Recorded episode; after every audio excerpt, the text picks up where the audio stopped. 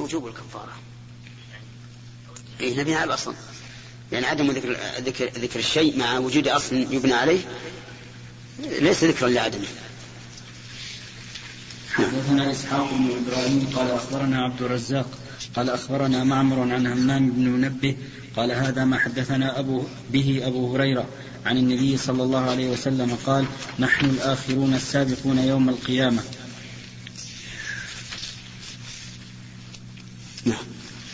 شو نسبته يا شيخ؟ شو نسبته الكتاب الإيمان؟ كمل. وقال رسول الله صلى الله عليه وسلم والله لأن يلج أحدكم بيمينه في أهله آثم له عند الله من أن يعطي كفارته التي افترض الله عليه. نعم. هذا الشاهد. هذا حديثان في حديث واحد. الشاهد من هذا أن الإنسان إذا لج في بيمينه في أهله يعني حلف حلف لجاج وغضب فإن خيرا منه أن يكفر عن يمينه وأن يحنث لأن قوله آثم له عند الله من أن يعطي كفارته التي فرض الله عليه. وهذا يقع كثيرا يكون مع الإنسان يكون الإنسان مخاصما مع أهله فيحلف. إلا أن القواعد تقتضي أنه إذا غضب غضبا لا يملك نفسه. أو غضب غضبا بحيث لا يدري ما يقول. فإنه ليس عليه كفارة لأن يمينه في هذه الحال لم تنعقد نعم. حدثنا إسحاق يعني ابن إبراهيم. قال حدثنا يحيى بن صالح. قال حدثنا معاوية عن يحيى عن عكرمة عن أبي هريرة قال قال رسول الله صلى الله عليه وسلم من استلج في أهله بيمين فهو أعظم إثما ليبر يعني الكفارة.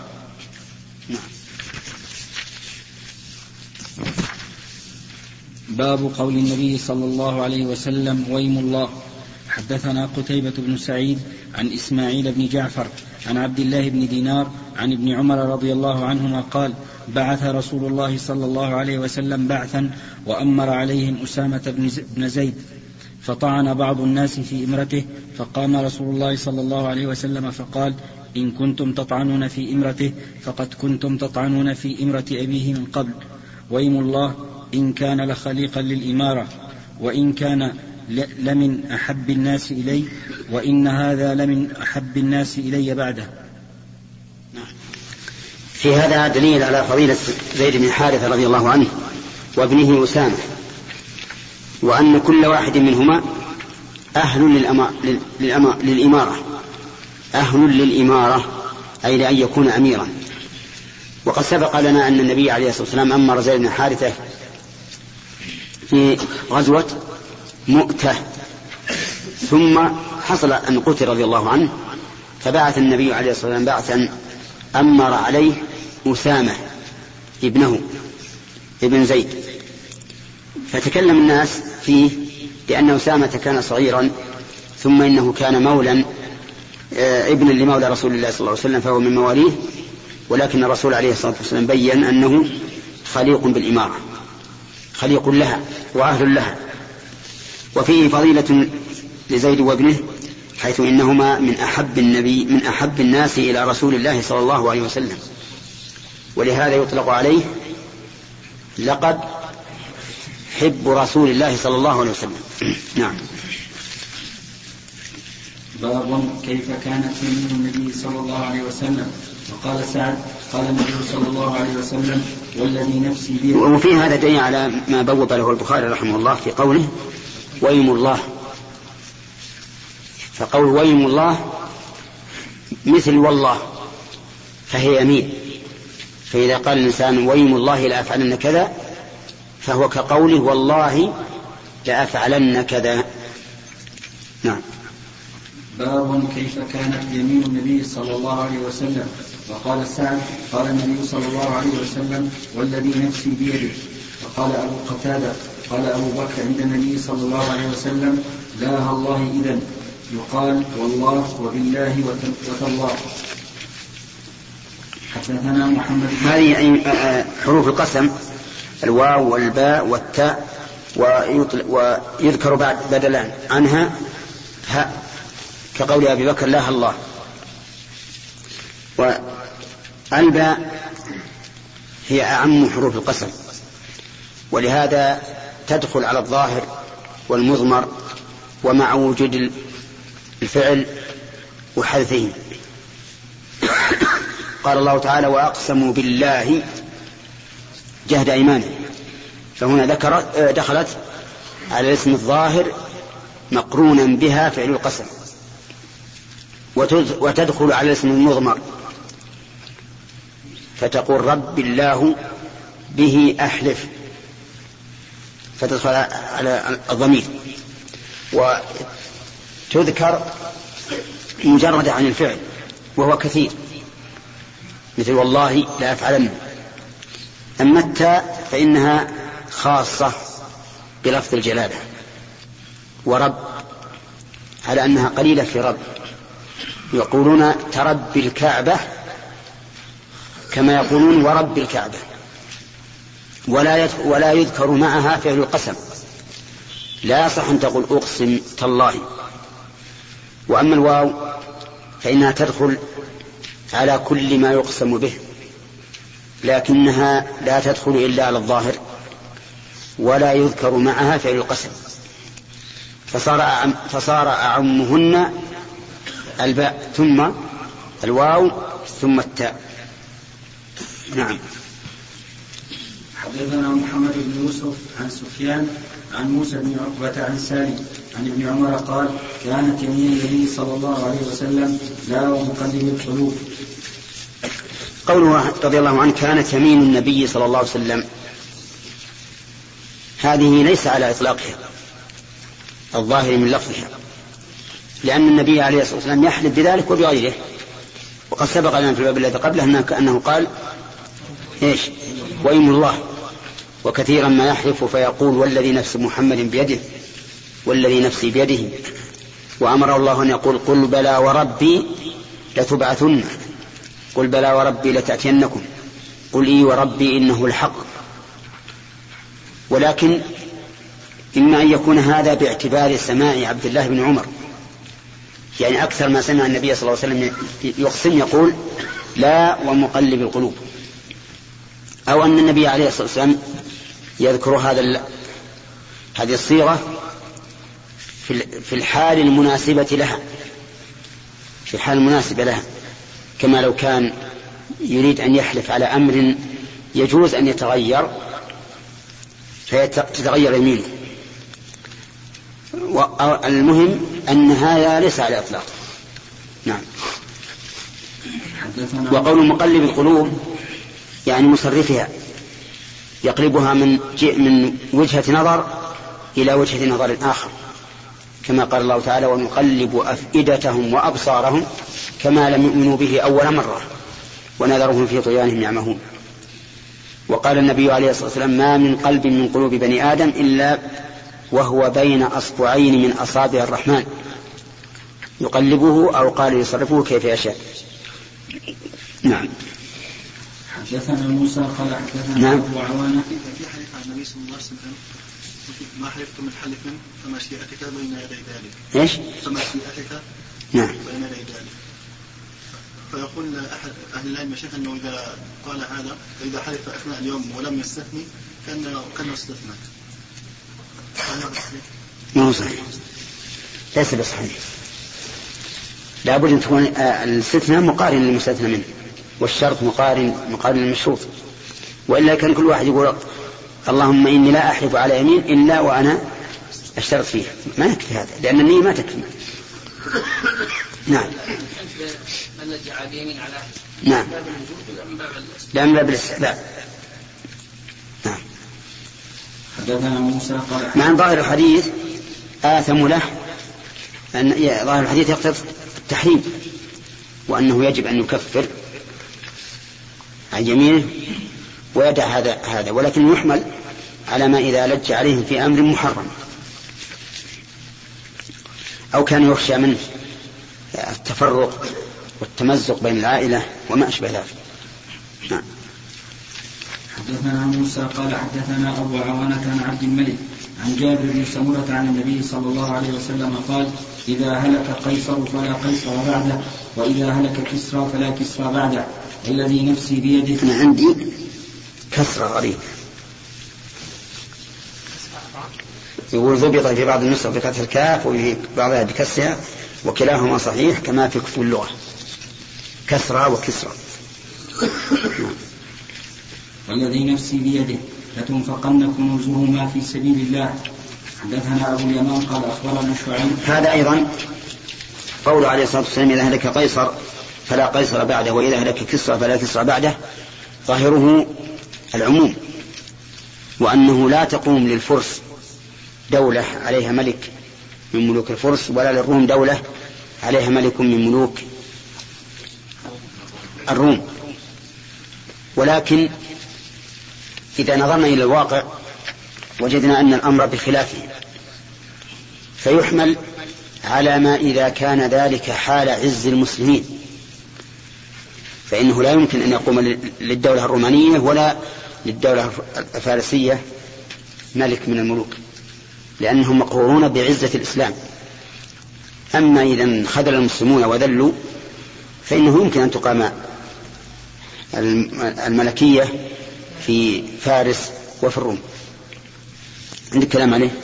وقد تقدم شرحهما في أواخر علامات النبوة والغرض منهما قوله والذي بيده قصد ما قال شيء ها؟ سبق إيه. وإذا في باب علامة النبوة يقول ها؟ وفيه علم من أعلام النبوة للوقع كما أخبر صلى الله عليه وسلم والحديث سبق الجهاد. إيه، خذ الفتح نقل علامة النبوة. طيب. قوله عليه الصلاة والسلام والذي نفس محمد والذي نفسي بيده لتنفقن كنوزهما.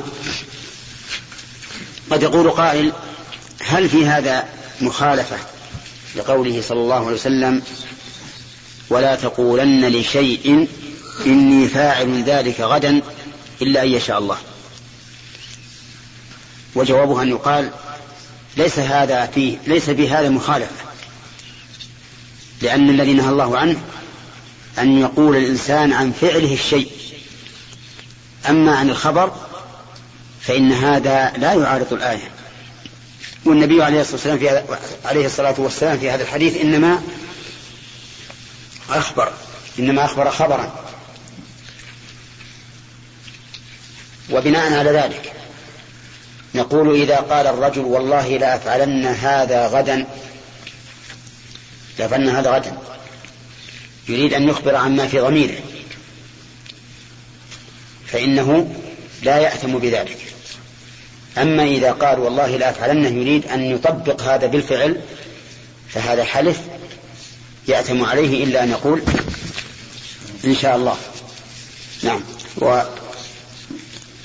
وقد وقع الأمر كما أخبر النبي عليه الصلاة والسلام فإنها غنمت أموال كسرى وقيصر وأنفقت في سبيل الله. نعم. حدثنا أبو اليمان قال أخبرنا شعيب عن الزهري قال أخبرني سعيد بن المسيب أن أبا هريرة قال قال رسول الله صلى الله عليه وسلم إذا هلك كسرى فلا كسرى بعده وإذا هلك قيصر فلا قيصر بعده والذي نفس محمد بيده لتنفقن كنوزهما في سبيل الله. حدثنا حدثني محمد قال أخبرنا عبدة عن هشام بن عروة عن أبي عن عائشة رضي الله عنها عن النبي صلى الله عليه وسلم أنه قال يا أمة محمد والله لو تعلمون ما أعلم لبكيتم كثيرا ولضحكتم قليلا. نعم. الشاهد قوله والله. إذا اللي مر علينا الآن ويم الله؟ لا ومقلب القلوب. نعم. والذي نفس محمد بيده والذي نفسي بيده والله. نعم. حدثنا يحيى بن سليمان قال حدثني ابن وهب قال أخبرني حيوة قال حدثني أبو عقيل زهرة بن معبد أنه سمع جده عبد الله بن هشام قال كنا مع النبي صلى الله عليه وسلم وهو آخذ بيد عمر بن الخطاب فقال له عمر يا رسول الله لأنت أحب إلي من كل شيء إلا من نفسي فقال النبي صلى الله عليه وسلم لا والذي نفسي بيده حتى أكون أحب إليك من نفسك. فقال له عمر فإنه الآن والله لأنت أحب إلي من نفسي. فقال النبي صلى الله عليه وسلم الآن يا عمر. الشاهد قوله لا والذي نفسي بيده. نعم.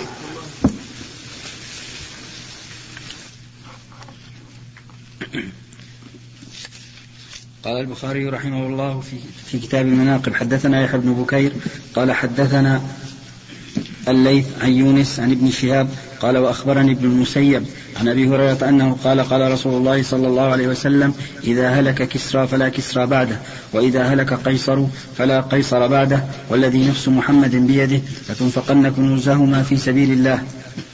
حديث آخر. قال الشارح الحديث الأربعون حديث أبي هريرة إذا هلك كسرى فلا كسرى بعده. قوله كسرى بكسر الكاف ويجوز الفتح وهو لقب لكل من ولي مملكة الفرس وقيصر لقب لكل من ولي مملكة الروم. قال ابن الأعرابي الكسر أفصح في كسرى وكان أبو حاتم يختاره يختاره. وأنكر الزجاج الكسر على ثعلب واحتج بأن النسبة إليه كسروي كسروي بالفتح.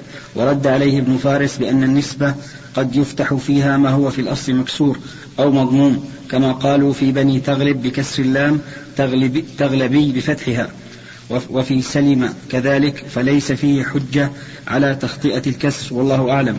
وقد استشكل هذا مع بقاء مملكة الفرس بأن آخرهم قد قتل في زمان عثمان واستشكل أيضا مع بقاء مملكة الروم. وأجيب عن ذلك بأن المراد لا يبقى كسرى بالعراق ولا قيصر بالشام وهذا منقول عن الشافعي. قال وسبب الحديث أن قريشا كانوا يأتون الشام, الشام والعراق تجارا فلما أسلموا خافوا انقطاع سفرهم إليهما لدخولهم في الإسلام. فقال النبي صلى الله عليه وسلم ذلك لهم تطيبا لقلوبهم وتبشيرا لهم بأن ملكهما سيزول عن الإقليمين المذكورين. وقيل الحكمة في أن قيصر بقي ملكه وإنما ارتفع من الشام وما والاها وكسرى ذهب ملكه أصلا أصلا ورأسا أن قيصر لما جاءه كتاب النبي صلى الله عليه وسلم قبله وكاد أن يسلم كما مضى بسط ذلك في أول الكتاب. وكسرى لما أتاه كتاب النبي صلى الله عليه وسلم مزقه فدعا النبي صلى الله عليه وسلم أن يمزق ملكه كل ممزق فكان كذلك. قال الخطابي معناه فلا قيصر بعده يملك مثل ما يملك وذلك أنه كان بالشام وبها بيت المقدس الذي لا يتم للنصارى نسك إلا به ولا يملك على الروم أحد إلا كان قد دخله إما سرا وإما جهرا فانجلى عنها قيصر واستفتحت خزائنه ولم يخلفه أحد من القياصرة في تلك البلاد بعده ووقع في الرواية التي في باب الحرب في باب الحرب خدعة من كتاب الجهاد هلك كسرى ثم لا يكون كسرى بعده ولا يهلكن ولا يهلكن قيصر. قيل والحكمة فيه أنه قال ذلك لما هلك كسرى بن هرمز كما سيأتي في حديث أبي بكرة في كتاب الأحكام. قال بلغ النبي صلى الله عليه وسلم أن أهل فارس ملكوا, ملكوا عليه امرأة الحديث. وكان ذلك لما مات شيرويه بن كسرى فأمروا عليهم بنته بوران. وأما قيصر فعاش إلى زمن عمر سنة عشرين على الصحيح وقيل مات في زمن النبي صلى الله عليه وسلم والذي حارب المسلمين بالشام ولده وكان يلقب أيضا قيصر وعلى كل تقدير فالمراد من الحديث وقع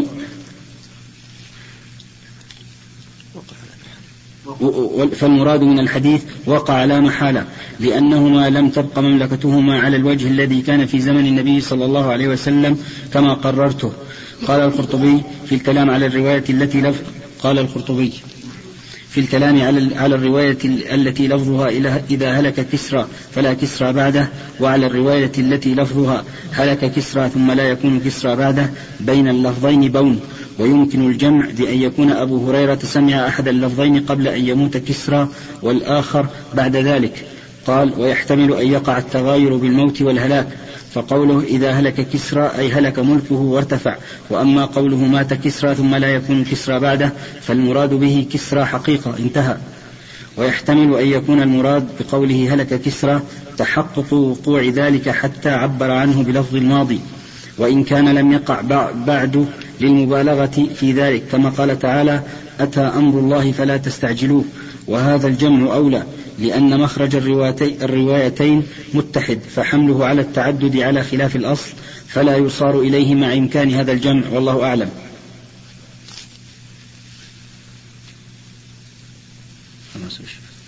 طيب صار عندنا ثلاث احتمالات. الاحتمال الأول فلا كسرى بعده في هذا المكان ولكن قد يكون له ملك في مكان آخر.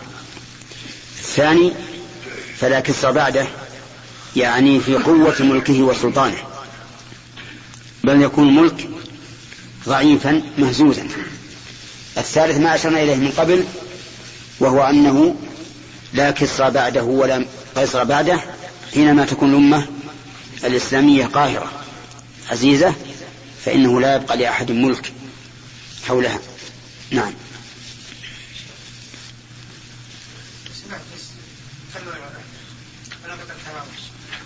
حدثنا إسماعيل قال حدثني مالك عن ابن شهاب عن عبيد الله بن عبد الله بن عتبة بن مسعود عن أبي هريرة وزيد بن خالد أنهما اخبراه أن رجلين اختصما إلى رسول الله صلى الله عليه وسلم فقال أحدهما اقض بيننا بكتاب الله وقال الآخر وهو أفقههما أجل يا رسول الله فاقض بيننا فاقض بيننا. عندنا؟ بيننا. فاقض بيننا بكتاب الله. وأذن لي أن أتكلم. قال تكلم. قال إن ابني كان عسيفا على هذا. قال مالك والعسيف الأجير. زنى بامرأته فأخبروني أن على ابن الرجل فافتديت منه بمئتي شاة وجارية لي. ثم إني سألت أهل العلم فأخبروني أن ما على ابني الج... فف... نعم. فافتديت منه بمئتي شاة. مئتي؟ عندنا بمئة شاة. بمئة شاة. مئة مفرد. إي نعم. ها؟ شوف الشرح طيب ما في معنى لكن المحفوظ عندنا مئة. الشرح ها؟ حال حال في الشرح. لا هي مئة شاة.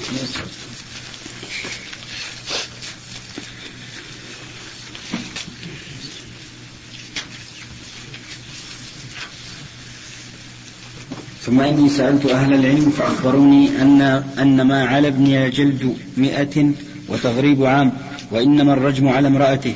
فقال رسول الله صلى الله عليه وسلم أما والذي نفسي بيده لأقضين بينكما بكتاب الله أما غنمك وجاريتك فرد عليك.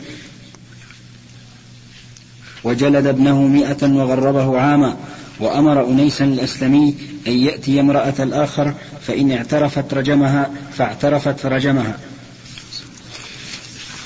هذا الحديث فيه رجل كان له ابن استاجره شخص آخر وكان للمستأجر امرأة فزنا بها هذا الأجير. فقيل إن عليه الرجل على الابن. فافتداه أبوه بمئة شاة وجارية مملوكة. ثم إنه سأل أهل العلم فقالوا إن ابنك ليس عليه رجم. وإنما عليه جلد وتغريب. فبلغ ذلك النبي صلى الله عليه وسلم فقال إن الغنم والجارية رد عليك يعني مردود عليك لأنه أخذ بغير حق. وبين صلى الله عليه وسلم أن على ابنه جلد مئة وتغريب عام. تغريب عام يعني يطرد عن البلد لمدة سنة كاملة حتى ينسى المكان الذي زنى فيه والمرأة التي زنى بها.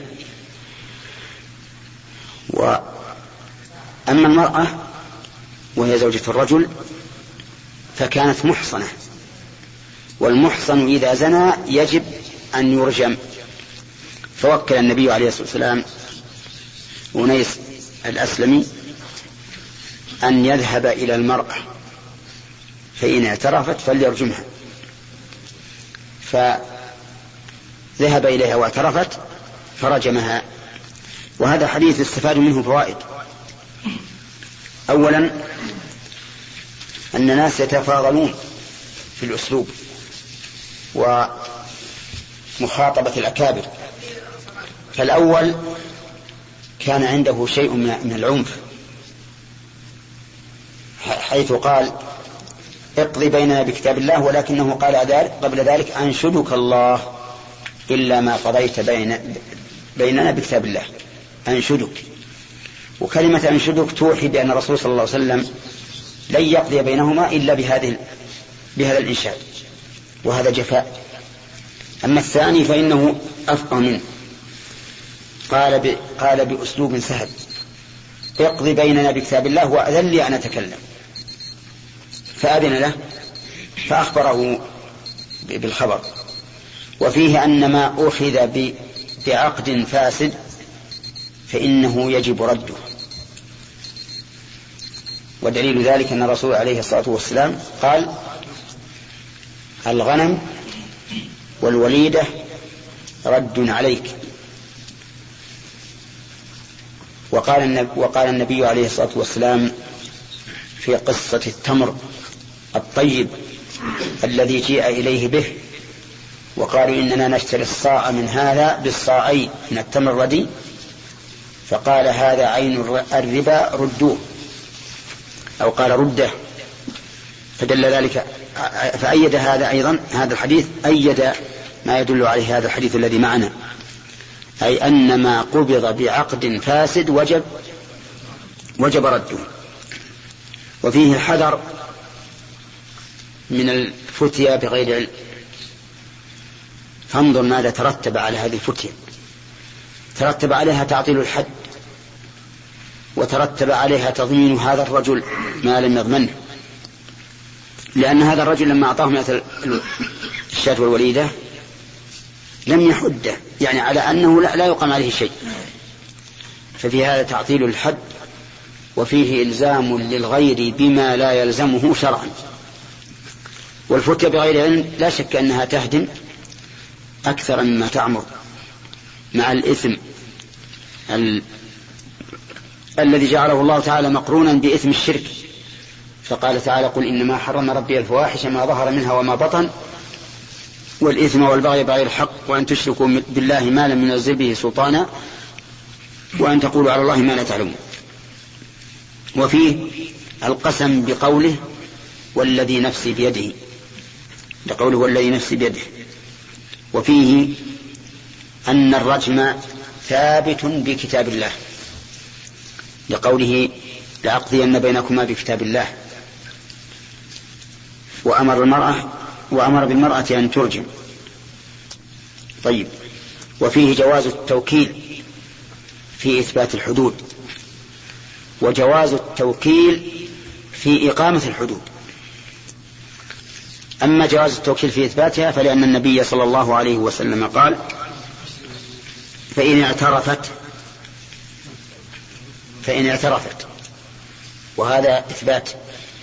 وأما جواز التوكيل في تنفيذها فقوله فارجمها وفي هذا الحديث دليل على أنه لا يشترط في الإقرار بالزنا أن يتكرر. وأنه إذا أقر به مرة واحدة ثبت عليه الحق. وأقيم عليه الحد. وهذا هو القول الراجح في هذه المسألة أن من أقر بما يوجب الحد من زنا أو سرقة أو غيرهما فإنه يكفي في إقراره أن يكون مرة واحدة. وأما الشهادة فلا بد في الشهادة بالزنا من أربعة رجال. وذلك لأن الشهادة على أمر عظيم. الشهادة هنا على أمر عظيم فيه داس على المشهود له وقد يكون الشهداء لهم هدف في إلصاق العار بهذا المشهود عليه وقد يكونون متوهمين. أما إذا أقر به على نفسه فإنه لا يمكن أن يتهم في حق نفسه. ولهذا قلنا إنه يكفيه يكفي فيه الإقرار مرة واحدة. فإن قال قائل أليس النبي صلى الله عليه وسلم قد ردد ماعز بن مالك حتى شهد على نفسه أربع مرات؟ فالجواب بلى. لكن النبي صلى الله عليه وسلم ردد ماعز بن مالك لأنه اشتبه في أمره ولهذا قال له أبك جنون وأرسل إلى قوم يسألهم وأمر شخصا أن يقوم يستنكهه لعله شرب خمرا. كل هذا دليل على أن النبي عليه الصلاة والسلام أراد بتكرار الإقرار أن يتثبت في أمره. فلما ثبت الرجل وصمم على الإقرار أمر برجمه. وفي هذا الحديث أيضا دليل على أنه لا يجمع بين الرجم والجلد. كقوله فإن اعترفت فارجمها ولم يذكر الجلد وذكر الجلد محتاج إليه في هذا المقام. وما دعت الحاجة إليه فلم يذكر دليل على أنه لا أثر له لأنه لا يجوز تأخير البيان عن وقت الحاجة. وهذه قاعدة معروفة في الأصول أصول الفقه أنه لا يجوز تأخير البيان عن وقت الحاجة. صلى الله وسلم على نبينا محمد وعلى آله وصحبه أجمعين. قال البخاري رحمه الله تعالى حدثني عبد الله بن محمد. قال حدثنا وهب. قال حدثنا شعبة عن محمد بن أبي يعقوب عن عبد الرحمن بن أبي بكرة عن أبيه عن النبي صلى الله عليه وسلم قال أرأيتم إن كان أسلم وغفار ومزينة وجهينة خيرا من تميم وعامر بن صعصعة وغطفان وأسد خابوا وخسروا قالوا نعم فقال والذي نفسي بيده إنهم خير منهم. بسم الله الرحمن الرحيم. الشاهد من هذا الحديث قوله والذي نفسي بيده إنهم خير منهم. فأقسم بهذا القسم. نعم. أحيانا يقسم الرسول صلى الله عليه وسلم بقوله والله والله مثل قوله تعالى والله لو تعلمون لا أعلم ما أعلم لضحكتم قليلا ولبكيتم كثيرا. نعم. كثرة الحلف. نرى الرسول صلى الله عليه وسلم؟ يعني يكثر صلى الله عليه وسلم من الحلف. نعم. هل يجوز الإنسان كلما مر عليه شيء؟ كم تكلم من مرة؟ كم تكلم من مرة؟ كثير. لا كم تكلم مرة. كلامه من منذ بعث إلى أن مات. مئة ولا مئتين ولا ثلاثمائة ولا أربعمائة ها؟ ها؟ ملايين وكم اليمين؟ اللي مرت علينا الآن ما يجينا عشرة.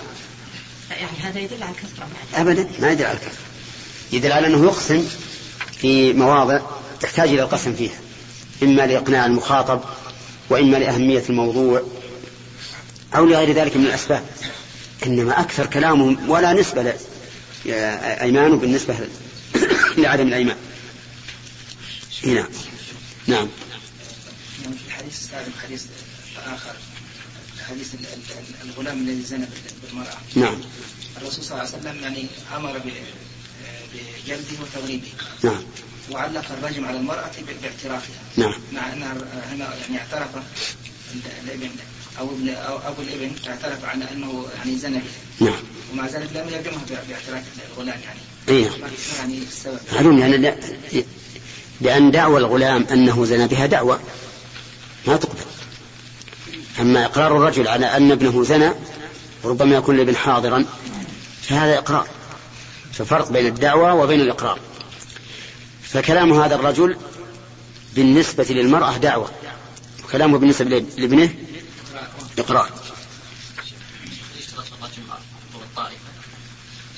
إيه نعم. نعم لا بد من من من حضور الطائفة. ولهذا كان ماعز رضي الله عنه حضره طائفة. ثم الرجم كيف يتحقق من واحد؟ إيه لا بد. لا الطائفة أقلها ثلاثة. نعم. حدثنا أبو اليمان قال أخبرنا شعيب عن الزهري قال أخبرني عروة عن أبي حميد الساعدي أنه أخبره أن رسول الله صلى الله عليه وسلم استعمل عاملا فجاءه العامل حين فرغ من عمله فقال يا رسول الله هذا لكم وهذا أهدي لي فقال له أفلا قعدت في بيت أبيك وأمك فنظرت أيهدى لك أم لا ثم قام رسول الله صلى الله عليه وسلم عشية بعد الصلاة فتشهد وأثنى على الله بما هو أهله ثم قال أما بعد فما بال العامل نستعمله؟ فيأتينا فيقول هذا من عملكم وهذا أهدي لي. أفلا قعد في بيت أبيه وأمه؟ فنظر هل يهدى له أم لا؟ فوالذي نفس محمد بيده لا يغل أحدكم منها شيئا إلا جاء به يوم القيامة يحمله على عنقه. إن كان بعيرا جاء به له رغاء وإن كانت بقرة جاء بها لها خوار وإن كانت شاة جاء بها تيعر. فقد بلغت فقال أبو حميد ثم رفع رسول الله صلى الله عليه وسلم يده حتى إنا لننظر إلى عفرة الطيه قال أبو حميد وقد سمع ذلك معي زيد ابن ثابت من النبي صلى الله عليه وسلم فسلوه. هذا فيه قول الرسول عليه الصلاة والسلام فوالذي نفس محمد بيده. فأقسم بهذه الصيغة. وفي هذا الحديث التحذير من قبول العمال ما يهدى إليهم لأن النبي عليه الصلاة والسلام قال له هلا قعدت في بيت أبيك وأمك؟ وفيه دليل على أنه لا يجوز للإنسان أن يستعمل سلطته في الوصول إلى غرضه. فإن بعض الناس يستعمل سلطته في الوصول إلى غرضه فيقول مثلا فلان ابن فلان ويذكر ألقابا كبيرة أو يذكر عملا كبيرا يوجب للمخاطب أن يخضع له وإن كان على باطل. فإن هذا حرام ولا يجوز. والمهم أن هذا أن المقياس ما ما أشار إليه الرسول عليه الصلاة والسلام. هل أنت لو قعدت في بيت أبيك وأمك يحصل لك هذا؟ إن كان كذلك فهو لك. وإلا فليس لك. وهل مثل هذا الإهداء للمدرس؟ كما يفعله بعض الناس يهدي لمدرسه شيئا. مالا أو أو أعيانا. الظاهر أنه مثله بل قد يكون أخطر. إذا كان يتولى تدريس هذا المهدي لأن الهدية تجعل الإنسان يميل إلى من أهدى إليه. ولهذا جاء في الحديث تهادوا تحابوا. فربما يحابيه عند التصحيح أو أمام الطلبة في معاملته إياه أو ما أشبه ذلك. ولهذا نرى أن المدرس إذا أهدى له التلميذ الذي يقرأ عنده نرى أنه لا يقبل ولكن يجبر خاطره. فيقول يا بني هذا شيء حرام علي ولا أستطيع قبوله. أما إذا كان لا يدرسه فلا بأس بذلك لأن المحاباة هنا ممنوعة وليس له سلطة عليه ولا عمل عنده. فلا حرج. وكذلك لو تخرج من المدرسة فلا حرج أيضا أن يهدي لأساتذته مكافأة لهم على تعليمهم إياه. وفي هذا دليل على حرص النبي عليه الصلاة والسلام على تبليغ الأمر العام الذي يخشى الوقوع فيه. وإلا لكفى أن يقول لهذا الرجل أفقال أفلا قعدت في بيت أبيك وأمك؟ لكنه عليه الصلاة والسلام أراد أن يبين هذا الحكم العظيم فالعمال لا يجوز لهم أن يأخذوا شيئا مما يهدى إليهم وقد روى الإمام أحمد المسند عن النبي عليه الصلاة والسلام أنه قال هدايا العمال غلول. ويدل لهذا الحديث قوله عليه الصلاة والسلام فهو الذي نفس محمد بيده لا يغل أحدكم منها شيئا إلا جاء يوم القيامة يحمله على عنقه نعم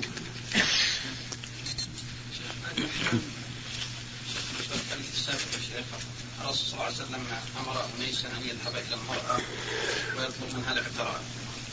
في حديث هلال بن آه، في الرجل الذي زنى ما أمر الرسول صلى الله عليه وسلم أن يذهب إليه أحد ولا نعم.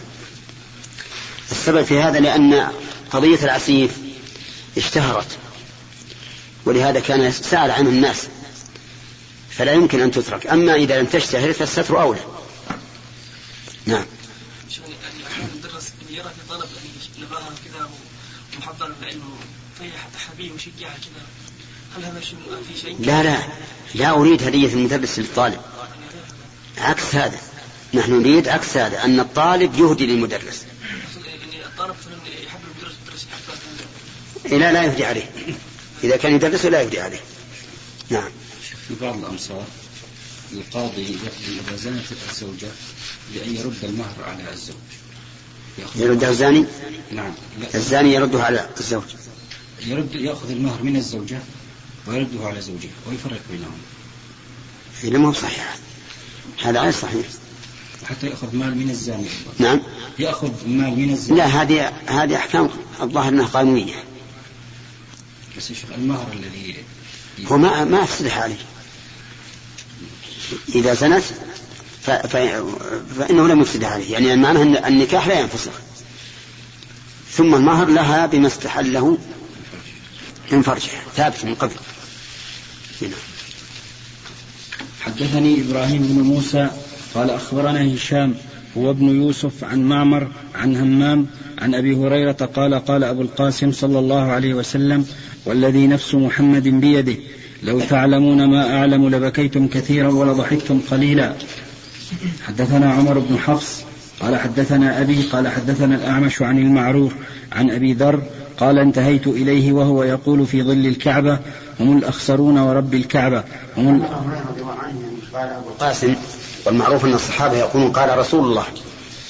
لكن لما كان الرسول عليه الصلاة والسلام لا يتكنى بكنيته أحد صار هذا كالعالم الخاص به.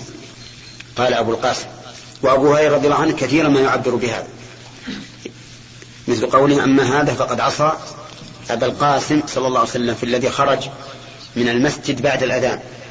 قال أما هذا فقد عصى أبا القاسم صلى الله عليه وسلم. لأنه لا يجوز للإنسان أن يخرج من المسجد بعد بعد الأذان.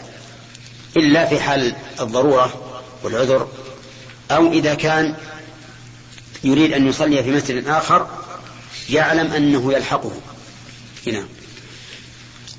عن أبي ذر قال انتهيت إليه وهو يقول في ظل الكعبة هم الأخسرون ورب الكعبة هم الأخسرون ورب الكعبة. قلت ما شأني أيرى في شيء؟ ما شأني. فجلست إليه وهو يقول فما استطعت أن أسكت وتغشاني ما شاء الله. فقلت من هم بأبي أنت وأمي يا رسول الله؟ قال الأكثرون أموالا إلا من قال هكذا وهكذا وهكذا. الشاهد قوله ورب الكعبة. فأقسم النبي عليه الصلاة والسلام برب الكعبة.